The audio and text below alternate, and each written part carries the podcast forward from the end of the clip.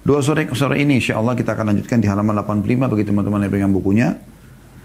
Kita ikhlaskan niat ini insya Allah mudah-mudahan mudah kita amalkan yaitu ajaran Nabi SAW Allahumma alimal ghaibi wa syahada fatiras samawati wal ard rabba kulli syai'in wa malikuh rabba kulli syai'in wa malikah ashhadu an la ilaha illa ant a'udhu bika min syarri nafsi wa min syarri syaitani wa syirki wa anaktarifa ala nafsi su'an aw ajurruhu ila muslim. Hadis ini diriwayatkan Tirmidzi dan Abu Daud dan disahihkan oleh Syaribani dalam Sahih Tirmidzi jadi 3 halaman 142. Artinya, ya Allah yang maha mengetahui yang gaib dan yang nyata. Tuhan pencipta langit dan bumi. Tuhan yang menguasai segala sesuatu dan menjadi rajanya. Aku bersaksi bahwasanya Tiada Tuhan yang berhak disembah kecuali engkau. Aku berlindung kepadamu dari keburukan diriku dan dari keburukan syaitan dan kesyirikannya. Atau yang dibisikkannya. Dan aku berlindung kepadamu dari berbuat kejelekan terhadap diriku sendiri atau menularkannya kepada seorang muslim. Coba renungi lagi maknanya, kita coba lebih dalam rincikannya seperti biasa kita coba korek mutiara-mutiara dari dua ini. Potongan pertamanya Allahumma alimal ghaibi wa syahada. Ini pengikraran dari seorang hamba tentang kemahakuasaan Allah. Ya Allah, zat yang maha mengetahui semua yang gaib. Dan gaib artinya tidak tidak nampak bagi manusia. Tetap ada tapi tidak nampak. Ya. Kita mengikrarkan kalau Allah mengetahui semua yang gaib. Wasyahada dan semua yang nyata. Ini pengikraran sekali lagi kemahakuasaan Allah subhanahu wa ta'ala. Dan memang kita sudah seperti ini ya. Harusnya kita memuji-muji Allah dulu baru kemudian kita sampaikan hajat itu sudah kita sampaikan juga di awal-awal kita pada saat membedah buku ini. Jadi ini pengikraran tentang tauhid Allah Subhanahu wa taala. Potongan kedua, fatiras samawati wal ard. Makna fatir menciptakan dan mengawasi juga mengurusnya. Ya. Jadi kita mengatakan zat yang mengetahui yang gaib dan yang nyata serta yang menciptakan mengawasi, mengurus semua yang ada di langit dan di bumi. Apa pun yang kita lihat, ya, terjangkau oleh mata kita di langit sana bintang-bintang, matahari, bulan segala macam, termasuk hujan yang turun dari awan, ya, awan sendiri, ya, berpindah-pindah dari satu tempat ke tempat yang lainnya, atau tidak terjangkau oleh mata kita, dan semua juga yang ada di bumi terjangkau tidak terjangkau di daratannya kah, di lautannya kah, di dalam bumi itu sendiri kah. Semua kita ikrarkan kalau yang menciptakan itu adalah Allah. Yang menciptakan itu adalah Allah. Dan yang mengawasinya, mengurusnya, semua adalah Allah. Kalau kalau kita memahami, memahami lebih dalam teman-teman sekalian, kita akan lebih hati-hati jangan sampai buat pelanggaran. Kenapa? Karena kita berada di buminya Allah. Seperti banyak orang masuk hotel, dia berbuat zina. Dia nggak sadar. Sebenarnya Ya udara yang dia hirup ciptaan Allah. Allah kan yang fatir, yang menciptakan semua yang di langit dan di bumi. Gitu kan. Kemudian juga ranjang yang dia pakai, bantal, air yang dia pakai di kamar mandi ataupun air yang dia minum. Apa saja di sekitar dia semuanya. Dan semua itu akan menjadi saksi pada hari kiamat. Cukuplah yang telah berlalu teman-teman sekalian. Sekarang ke depannya setelah kita belajar begini, kita ingin supaya kita lebih hati-hati kita lebih terjaga, gitu kan? Karena kalau tidak jadi masalah ini, semua akan ada hisapnya oleh Allah Subhanahu wa taala, ya. Jadi pengikraran ini berarti pengikraran tentang Allah itu menguasai semuanya. Dia menciptakan, dia mengawasi dan dia juga yang memilikinya, ya. Potongan ketiga, Rabba kulli syai'in wa malikah. Rabb artinya pemilik, ya pencipta segala sesuatunya dan pemiliknya. Ini juga sama, ini potongan ketiga sama mengikrarkan tentang dan memuji-muji Allah tentang kemaha, kemahakuasaan Allah Subhanahu wa taala. Kita di sini akui kalau Allah pemilik segala sesuatunya. Apa pun itu. Anda ada masalah dengan pasangan, suami-suami sama istri. Langsung kembalikan saja kepada kalimat ini. Oh, dia juga ciptaannya Allah. Yang membuat dia marah Allah. Yang bisa membuat dia reda Allah. Tidak usah anda menghabiskan energi untuk yang lain. Anda boleh punya upaya manusiawi, tapi coba ikhtiar dulu kepada Allah Subhanahu wa taala. Menghadap kiblat, baca alhamdulillah wassalatu wassalamu ala Rasulillah. Ya Allah, kalau perubahan pasanganku ini terjadi karena kesalahan hamba ini, maafkanlah kesalahan hamba ini. Lunakkanlah hatinya dia. Ya kan? Kalau ini karena dosa yang dia lakukan kesalahan dia, maafkanlah dia dan satukan kami di atas kebaikan. Sama Allah saja. Anak kita kita anggap nakal, proaktif, minta kepada pencipta dia Allah. Ya. Ada hewan yang mengamuk di depan kita yang berbahaya buat kita. Ada Tuhannya Allah. Ada badai, ada uh, sesuatu banjir, longsor, apa saja yang berbahaya. Penciptanya adalah Allah.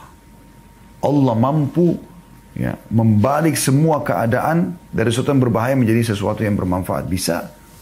Bukankah itu terjadi pada Nabi Ibrahim AS pada saat mau dibakar oleh Namrud? Api yang membakar, yang dipakai bakar itu bukan untuk membakar satu orang satu orang cukup satu kali satu meter apinya selesai. Gitu ya. Bahkan mungkin lebih kecil daripada itu. Setengah meter aja kalau orang diikat di tiang, setengah meter kanan, kiri, depan, belakang semuanya. Dia bakar api sudah cukup dia terhangus. Tapi Nabi Ibrahim AS itu dibakar di sebuah tungku yang sangat besar. Yang dikatakan dalam beberapa gambaran oleh para ulama, kalau lewat burung jauh di atasnya, tiba-tiba jadi hangus jatuh.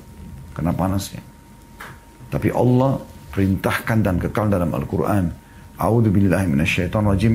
Ya narukuni bardan wa salaman ala Ibrahim. Wahai api jadikan dirimu dingin dan keselamatan bagi Ibrahim. Ya. Allah Subhanahu wa taala menyelamatkan dari sesuatu yang tidak masuk akal manusia. Karena Namrud pada saat itu mau menyiksa Nabi Ibrahim AS atau membunuh Ibrahim AS bukan dengan cara yang biasa.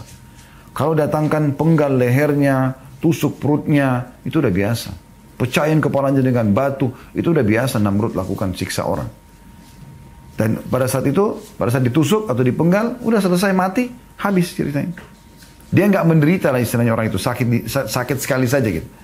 Tapi Namrud bilang sama para eh, penasihat-penasihatnya, saya mau siksa Ibrahim karena dia menolak ketuhanan saya yang tidak uh, tidak mudah dilupakan oleh orang dan tidak segera juga dia mati. Dia rasakan siksanya. Apa itu dibakar? Ya. Makanya karena ini siksaan sangat berat sampai kata Nabi SAW jangan kalian membakar musuh-musuh kalian. Kita tidak boleh umat Islam kalaupun sudah menang bakar musuh karena tidak boleh membakar kecuali pemilik api itu. Maksudnya Allah Subhanahu Wa Taala. Tapi saksi bahasan kita Allah bisa ubah yang fitrahnya api itu panas menjadi dingin dan keselamatan bagi Ibrahim. Tidak membakar Ibrahim sedikit pun. Kenapa? Karena dia yakin Allah penciptanya. Gak ada yang mustahil. Salah seorang salah pernah dia melakukan perjalanan Zaman dulu orang cuma andalkan matahari, ya. Kalau terbenam matahari dia nginap di tempat di mana matahari terbenam itu di situ misalnya di hutan, di pinggir pantai, di pinggir sungai, dia nginap di situ. Tunggu besok matahari terbit baru dia bisa jalan. Karena gelap. Dia nggak bisa jalan malam-malam dan lebih berbahaya buat dia. Ada seorang salafus saleh jalan lakukan perjalanan dari Irak ke negeri Syam pada saat itu. Dia jalan sampai dia tiba di tengah hutan ternyata tiba maghrib. Mau tidak mau dia harus nginap di situ. Sendirian di tengah hutan. Maka di awal malam, dia wudhu, dia sholat maghrib isya, kemudian dia coba istirahat. Terus dia bangun, kurang lebih kita jam 11 malam, jam 12 malam, di awal malam ya. Dia bangun, kemudian dia sholat. Dia ceritakan tentang dirinya. Pada saat dia bangun, tengah malam itu, dia sholat, selesai dia salam dari dua rakaat pertama, Tiba-tiba depan matanya ada seekor harimau yang meraung dengan keras. Dan kelihatan harimau itu lapar akan menerkam dia. Akan menerkam dia. Gitu kan? Maka apa yang terjadi sekarang? Dia dalam dirinya mengatakan kalau saya lari, pasti saya juga akan kena. Orang harimau ini lebih kuat. Matanya lebih terang. Dia udah memang lapar, siap memangsa. Gitu kan. Sampai saya pernah lihat ada cuplikan diadakan uh, apa namanya survei Uh, seorang atau bukan seorang, mungkin lebih dari 10 orang laki-laki semuanya berotot, binaragawan yang sangat kekar badannya. Di mata manusia sudah sangat kuat, mungkin kita nggak mungkin bisa kalahkan kalau tipe-tipe kita yang kecil badannya gitu. Dia tarik tali tambang itu melawan gigitannya singa atau harimau itu. Satu tali tambang digigit oleh harimau tersebut atau singa itu, yang satu ditarik oleh orang ini. Nggak ada yang bisa kalahkan singa, padahal pakai giginya saja. Nggak ada giginya yang tanggal segala macam, itu karena kuatnya. Tapi tiba-tiba tauhidnya kepada Allah muncul. Maka dia mengatakan, hai harimau, kalau seandainya Allah yang mengutus kamu kepadaku Ya, Allah yang mengutus kamu kepadaku. Untuk memakanku aku tidak akan melawan.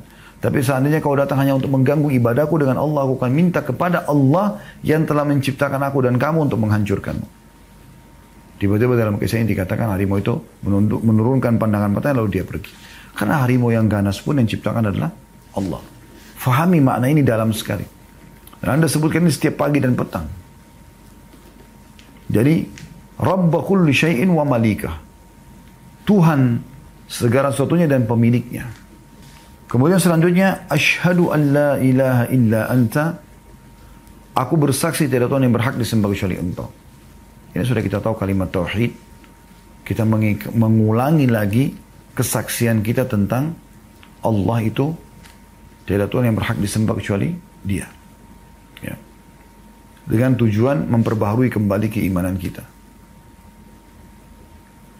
Potongan selanjutnya baru masuk ke dalam doa. Setelah kita memuji Allah, Allah ma'alimul ghaibi wa syahadah yang pertama. Yang kedua, fatir samawati wal ard. Yang ketiga, rabba kulli syai'in wa malika. Kemudian yang keempat, kita bersaksi asyhadu an la ilaha illa anta. Ini semua puji-pujian kepada Allah.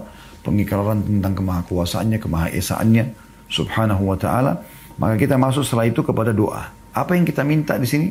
Kita minta agar diselamatkan dari semua keburukan diri kita dan keburukan syaitan.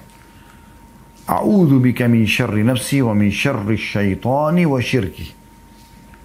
Ini permintaan pertamanya. Minta dijauhkan dari semua keburukan diri. Ini permintaan pertama. Dan nanti kita punya keburukan diri teman-teman. Maksudnya apa? Ada potensi melakukan keburukan. Ada syaitan, tidak ada syaitan dalam diri kita, Allah sudah menciptakan itu. Fa'alhamaha fujuraha wa taqwaha. Allah berikan potensi berbuat jahat dan berbuat buruk, eh, berbuat baik. Dua. Tapi Allah setelah itu memandu kita agar mengikuti yang baik dan kita meninggalkan yang buruk. Ya, jadi ada. Contoh kasus yang paling jelas ini masalah iblis. Kita kan selalu mengatakan, oh ini orang sesat, orang ini melakukan maksiat karena digoda oleh syaitan. Siapa syaitan? Pimpinannya adalah iblis. Baik, pada saat iblis nolak sujud kepada Adam, siapa yang goda iblis? Belum ada iblis pada saat itu. Cuma dia sendiri gitu. Dia yang dikenal dalam Al-Quran kalau dia penjahatnya. Keburukan yang ada potensi dalam diri yang dia ikuti. Ya, dan ini ada potensi dalam diri kita. Makanya kita saat dengar azan, ada potensi kita untuk mau patuh, kerjakan perintah, ada juga potensi tidak. Untuk malas, malas-malasan ada. Syaitan cuma menunggangi potensi itu. Makanya di saat Anda menunggangi potensi untuk melakukan ketaatan dan melawan kejahatan, nah di situ Anda menutup itu syaitan. Tapi di saat Anda justru meninggalkan ketaatan dan Anda kerjakan kemaksiatan, di situlah Anda dikuasai oleh syaitan. Ya. Jadi kita minta dilindungi dari keburukan diri kita sendiri. Walaupun Anda dari keluarga baik-baik, Anda punya akhlak yang baik, Anda punya ilmu agama yang cukup, ya. Tetap saja kita baca ini. Nabi Muhammad SAW membaca ini. Permintaan yang kedua, wa min syarri syaitani wa syirki dan dari semua keburukan syaitan dan kesyirikannya. Saya pernah duduk sama Syekh Saleh Suhaimi, hafizahullah guru kami di Madinah. Semoga Allah jaga beliau. Dia mengatakan ya Khalid dan ada riwayat lain wa min syarri syaitanin wa syariki. Dan dari keburukan syaitan dan sekutu-sekutunya. Jadi ada dua makna di sini. Bisa bermakna syirki, kesyirikan dia karena dia menyekutukan Allah dan mengajak orang untuk menyekutukan Allah Sementara syariki adalah partner-partner dan sekutu-sekutunya. Yang mendukung syaitan. Karena ada memang ada orang yang mendukung syaitan. Syaitan gak usah goda dia. Memang dia mau jadi partner dengan syaitan. Para dukun-dukun, peramal, penyamun. Memang mau jadi partner syaitan. Kalau kita kan orang beriman berusaha lepas dari syaitan. Ada godaan kita berusaha melawan. Kita berusaha melindungi, minta perlindungan kepada Allah. Ada enggak? Ada golongan-golongan. Na'udzubillah. Dari kalangan manusia, dari para dukun, peramal. Ini memang sengaja mereka mencari dan mau berkhidmat dengan syaitan. Nah itu syariki. Kemudian permintaan yang ketiga kita minta di sini adalah wa an aktarifa ala nafsi su'an aw ajruhu ila muslim. Dan jangan sampai aku menjurumuskan diriku kepada kesalahan. Terus ini terjemahannya jangan sampai berbuat kejelekan terhadap diriku sendiri. Atau aku menjurumus, menjurumuskan atau menularkannya kepada seorang muslim. Ya. Ini berarti teman-teman sekalian, kita bisa terlibat dalam kesalahan dan kita berlindung kepada Allah SWT. Atau ada orang, dia nggak buat itu kejahatan, tapi dia tawarkan kepada orang lain untuk melakukannya. Udah saya nggak usah deh sama perempuan itu, saya nggak mau berzina, saya takut dosa. Kau aja deh. Nah, ini kan nawarin orang, jerumusin orang. Harusnya dia tahan diri, dia tahan juga orang lain. Enggak, saya nggak minum khamar. Udah kalau mau minum terserah. Nggak boleh. Nggak boleh. Ini sama nih makna daripada doa ini. Sini kan kita minta jangan kita jerumuskan diri kita pada kesalahan. Jangan juga kita menularkannya pada orang lain. Jadi ada dua pandangan sini. Ada yang pandangan pertama di sini adalah dia melakukan kejahatan lalu dia ajak orang lain. Kita berikan dari situ. Dia berzina, dia mabuk, dia narkotika, terus dia ajak orang lain. Bahkan dia sampai buka diskotik, dia jadi pengedar narkotika dan seterusnya. Pandangan yang lain adalah dia tidak mau lakukan, tapi dia membiarkan orang lain melakukan. Kayak tadi saya sudah kasih contoh. Ada pernah orang begitu ketemu sama saya, terus ada makanan dihidangkan depannya. Saya tanya, silahkan, kenapa nggak dimakan? Dia bilang, enggak, saya pernah dapat ini syubhat. Bahkan ada orang yang pernah kerja di tempat pembuatan makanan itu, katanya ini ada kandungan haramnya. Tapi saya tanya, tapi kan ada label MUI, kan ini harus sesuatu yang pasti dulu. Ya, tapi saya nggak makan. Kebetulan sebenarnya ada anaknya. Saya kebetulan yang menghidangkan makanan itu kan, roti udah saat itu. Terus dia bilang, saya nggak makan, tapi kalau anak saya terserah. Kan jadi tanda tanya gitu. Harusnya kan dia larang juga sudah semuanya nggak usah. Bahkan kalau perlu saya pun dia bilang jangan ini tahu saya saya sudah pastikan memang tidak halal. Bisa contoh. Tapi ada orang begitu subhanallah. Nah ini pandangan lain dari makna jangan sampai kita menjerumuskan atau menularkan kejelekan itu pada orang lain. Jadi kita bisa bayangkan teman-teman maknanya sangat dalam doa-doa ini. Ya, kita minta akan dijauhkan dari keburukan diri kita, keburukan syaitan dan sekutunya, keburukan syaitan dengan ya, eh, kesyirikannya, dan jangan sampai kita menjerumuskan diri kita pada kesalahan atau kejelekan sehingga nama kita di tengah-tengah manusia rusak, juga di sisi Allah rusak gitu kan. Dan jangan sampai menularkan kesalahan itu pada seorang muslim. Doa selanjutnya teman-teman sekalian adalah di halaman 86 ya. Dan ini doa sangat mulia, jangan sampai luput dari kita ya. Dan ini Nabi SAW sudah bersabda di dalam hadis yang diriwayatkan oleh Abu Dawud jilid 4 halaman 323, Tirmidzi jilid 5 halaman 465, Ibnu Majah uh, dan Ahmad juga meriwayatkan dan disahihkan oleh Syekh Albani dalam Sahih Ibnu Majah jilid 2 halaman 332 dan Syekh bin Bas menghasankannya. Perhatikan hadisnya. Kata Nabi SAW, barang siapa yang membacanya sebanyak tiga kali ketika pagi dan ketika sore hari, maka tidak ada sesuatu pun yang dapat memudarat atau membahayakan dirinya. Baca tiga kali saja. Apa itu? Anda perhatikan di halaman 86 di bagian bawah. Bismillahilladzi la yadurru ma'asmihi syai'un fil ardi wala fis sama' wa huwa sami'ul alim. Ini dibaca tiga kali. Bismillahilladzi la yadurru ma'asmihi syai'un fil ardi wala fis sama' وهو السميع العليم بسم الله الذي لا يضر مع اسمه شيء في الأرض ولا في السماء وهو السميع العليم terjemahannya dengan nama Allah Bismillah. Alladhi la yadurru yang dengan namanya alladhi la yadurru ma'asmihi syai'un fil ardi wala fis sama. Yang dengan namanya tidak ada sesuatu pun yang memudaratkan di bumi maupun di langit. Wa huwa samiul alim dan dia zat yang maha mendengar lagi maha mengetahui. Kita coba geluti lebih dalam tentang masalah doa ini. Doa ini sangat dianjurkan untuk dibaca ya. Sekali lagi keutamaannya maka Allah akan jauhkan kita dari segala sesuatu yang berbahaya pada hari itu. Kalau Anda baca tiga kali. Pagi, berarti sampai sore Anda aman. Baca sore, Anda aman sampai pagi.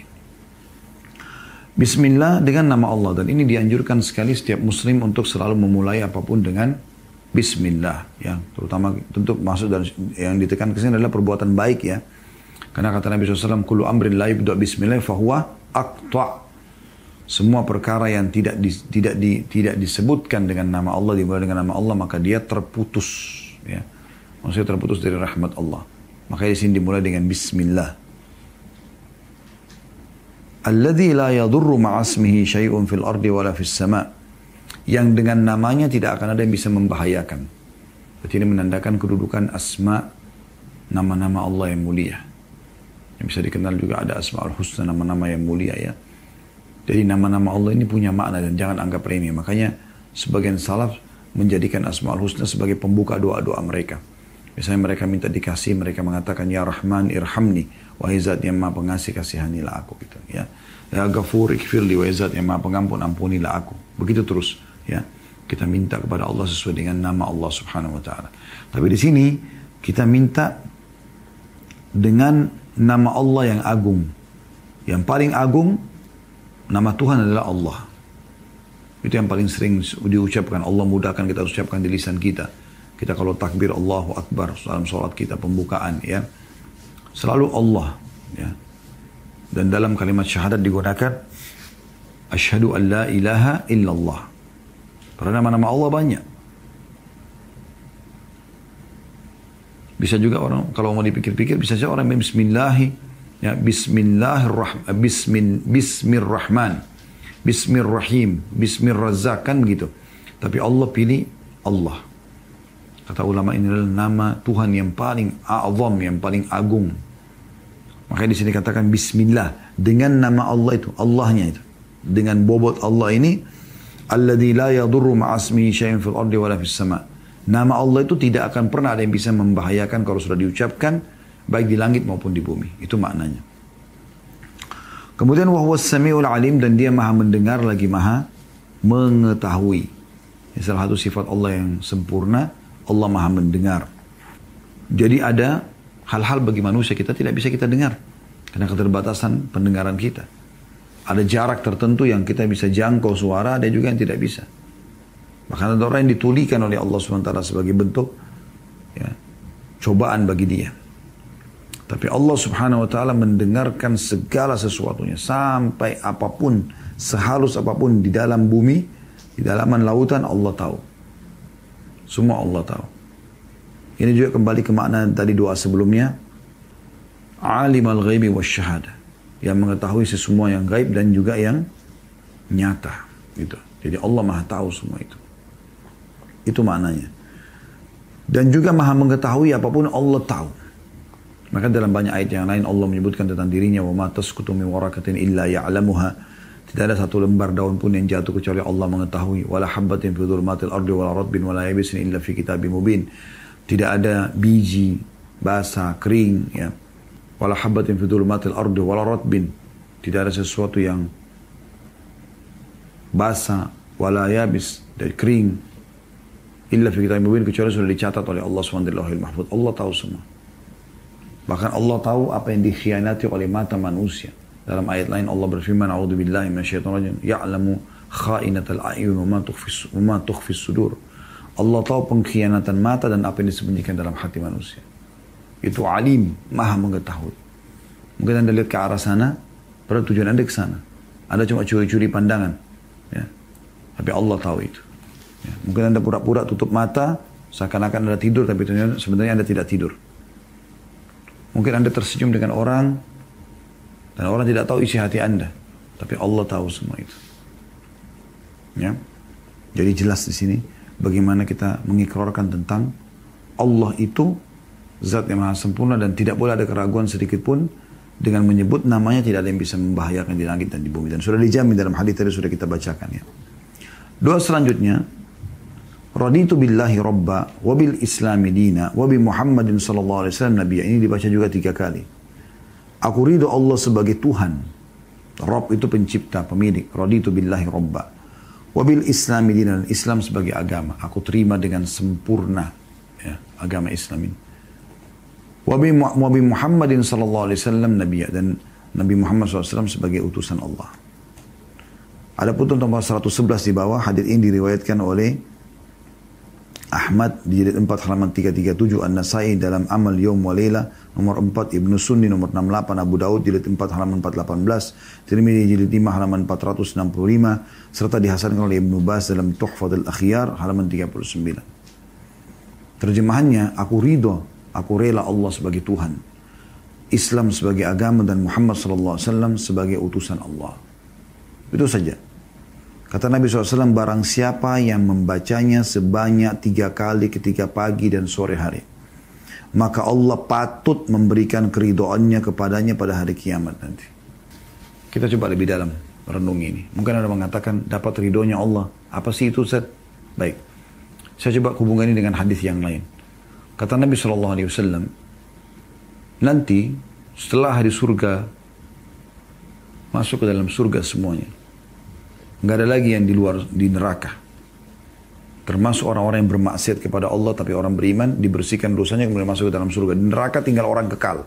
Orang kafir, orang munafik, orang musyrik. Ya. Kalau sudah masuk gitu Allah akan berfirman kepada para ahli surga. Belum menampakkan dirinya. Ada dua riwayat. Riwayat yang pertama itu kata Allah SWT wahai hamba-hambaku. Maukah aku tuam tambahkan untuk kalian setelah mereka nikmati dayang-dayang, permadani, istana, kehidupan yang abadi, pokoknya semuanya keenakan, kenikmatan. Maka kata mereka ahli surga, ya Allah, apalagi lebih daripada ini? Karena mereka tahu mereka selamat dari neraka dan mereka masuk ke dalam surga. Dan tidak akan pernah keluar dari surga lagi. Selamanya. Di dunia ini kan kita takut tua, kita takut sakit, kita tahu takut mati, takut bangkrut, takut uh, diambil harta kita oleh orang lain. Di akhirat tidak ada. Sekali kita jadi penghuni istana itu, kita selamanya jadi penghuni istana itu. Selamanya. Khalidina fiha.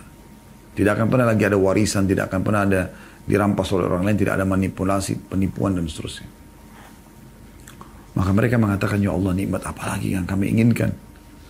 Maka Allah SWT berfirman dalam hadis yang pertama, hari ini aku halalkan keridoanku pada kalian dan aku tidak akan pernah murka kepada kalian selamanya. Nah ini maknanya. Makna ridho lawan daripada murka, marah. Ridho itu berarti menerima. Ya. Jadi Allah subhanahu wa ta'ala meridohi kita, artinya Allah tidak akan murka dengan kita. Tidak akan ada hukuman yang datang. Itu makna daripada kalimat ini. Bagaimana Allah ridho atau memberikan keridoannya pada hari kiamat. Maksudnya masuk dalam surga, dapat jaminan. Hanya dengan baca tiga kali ini. Dan inilah juga pertanyaan yang akan ditanyakan di kuburan. Makna daripada aku ridho Allah sebagai Tuhan, maknanya aku tidak akan pernah lagi bergantung, tidak akan pernah yakin, tidak akan pernah menyembah, ya, tidak akan pernah memohon kepada selain Allah. Mau batu keramat, mau kuburan, mau pohon, mau apa saja, tidak ada lagi. Jadi semuanya aku ridho hanya kepada Allah. Makanya Allah ridho dengan dia. Karena dengan mengucapkan raditu billahi robba, artinya aku tidak akan pernah minta kecuali kepada Allah. Aku tidak akan pernah bergantung kecuali kepada Allah. Aku tidak yakin Tuhan ada kecuali Allah. Bukan mobil Islam ini artinya aku tidak butuh agama lain. Seperti sekarang ada orang yang warna-warni. Statusnya Islam, tapi semua agama bagus, semua agama boleh. Pada Allah mengatakan inna dina indallahil Islam. Agama di sisi Allah yang diterima hanya Islam. Tapi dia mengatakan boleh saja. Setiap Islam mengatakan ini tidak boleh. Dia mengatakan ah itu tidak mungkin. Itu hukum Islam harus direvisi. Harus direvisi itu otak dia sebenarnya. Ya. Seperti sekarang orang-orang jil, banyak mereka begitu. Semaunya sendiri. Dan sesuai dengan hawa nafsunya maka mau dihapus, bahkan dianggap tidak relevan lagi. Ini sesuatu yang salah sekali. Maka kita ikrarkan, saya mau Islam sebagai agamaku. Wabi Muhammadin sallallahu alaihi wasallam nabiyya dan Nabi Muhammad SAW sebagai Nabi. Artinya aku akan mengikuti semua ajaran Nabi Muhammad SAW. Kalau orang sudah ridho kepada Allah sebagai Tuhannya sehingga tidak bergantung kecuali kepada Allah, Islam yang diterapkan dalam kehidupannya dan yang diikuti sebagai panduan dalam Muhammad SAW, maka tidak lagi yang dia butuhkan setelah tiga hal ini. Oleh karena itu kalau dia ridho dengan tiga, tiga ini, maka Allah pun ridho kepadanya. Doa selanjutnya, Bagaimana kita minta agar Allah subhanahu wa ta'ala memberikan kepada kita segala sesuatunya. Yang Allah ambil alih, bukan kita lagi. Tapi Allah yang ambil alih semua itu. Ya. Yaitu kita membaca di halaman 87 ya, doa selanjutnya. Sabda Nabi SAW, Ya hayu ya khayyum, birahmatika astagith, aslih li sya'ni kullah, wala takilni nafsi tarafata'in. Wahai Tuhan yang maha hidup, Ya hayu, Terus ya qayyum, wahai Tuhan yang terus menerus mengurus makhluknya. Birahmatika astagih, dengan rahmatmu aku memohon pertolonganmu. Aslih li sya'ni kullah. Perbaikilah segala urusanku. Wala takinni ya nafsi tarfatain. Dan jangan pernah engkau menyerahkan urusanku kepada diriku sekejap mata pun.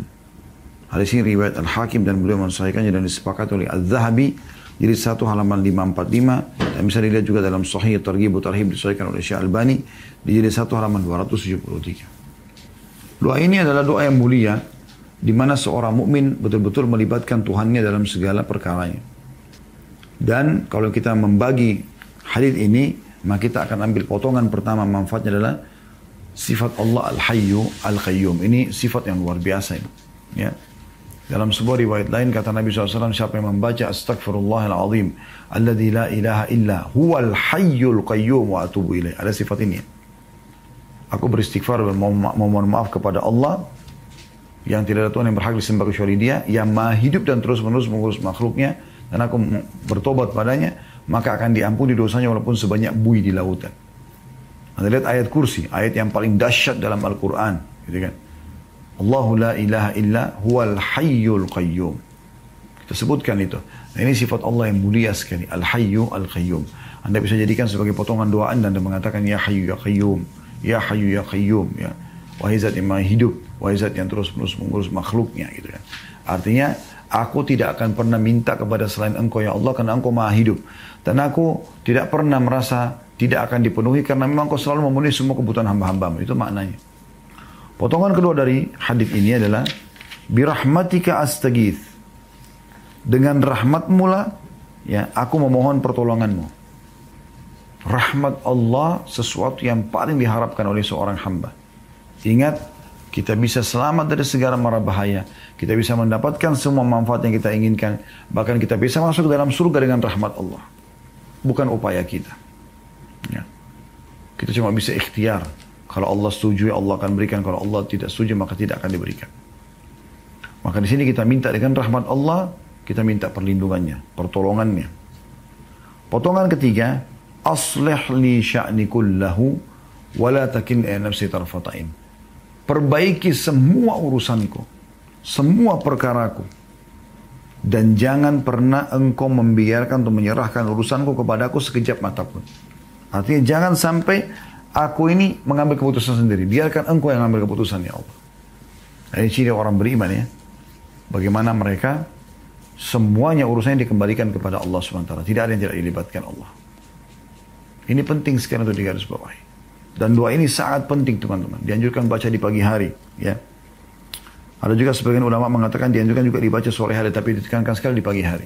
Makanya masuk dalam zikir pagi petang. Baca ini sekali saja. Kalau anda mau lebih bagus, baca sampai tiga kali maka Allah subhanahu wa ta'ala akan mengambil semua urusan kita. Tidak ada yang tertinggal lagi. Dan ini satu kelebihan yang luar biasa. Ya. Kemudian doa selanjutnya, Asbahna wa asbahal mulku lillahi rabbil alamin.